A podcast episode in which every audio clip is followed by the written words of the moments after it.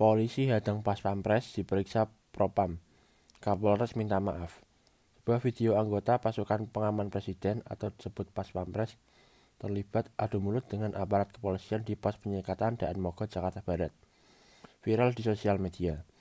Dalam peristiwa yang terjadi Rabu, itu petugas penyekatan melarang anggota pas pampres melintas dan mempertanyakan pekerjaan sebagai pas pampres. Emangnya kalau kamu pas pampres kenapa? Tanya salah satu petugas yang mengenakan pakaian polisi. Para petugas pos penyekatan itu juga sempat mendorong-dorong anggota pas pampres tersebut sampai terpojok. Keributan baru terakhir setelah anggota pas pampres bersama bernama Praka Israel itu menunjukkan kartu tanda anggota miliknya. Anggota pas pampres itu kemudian bebaskan dan bisa melanjutkan perjalanan. Namun rupanya peristiwa itu berbuntut panjang. Pada Rabu malam, sekitar 50 orang dari anggota Pas Pampres menyambangi Polres Jakarta Barat.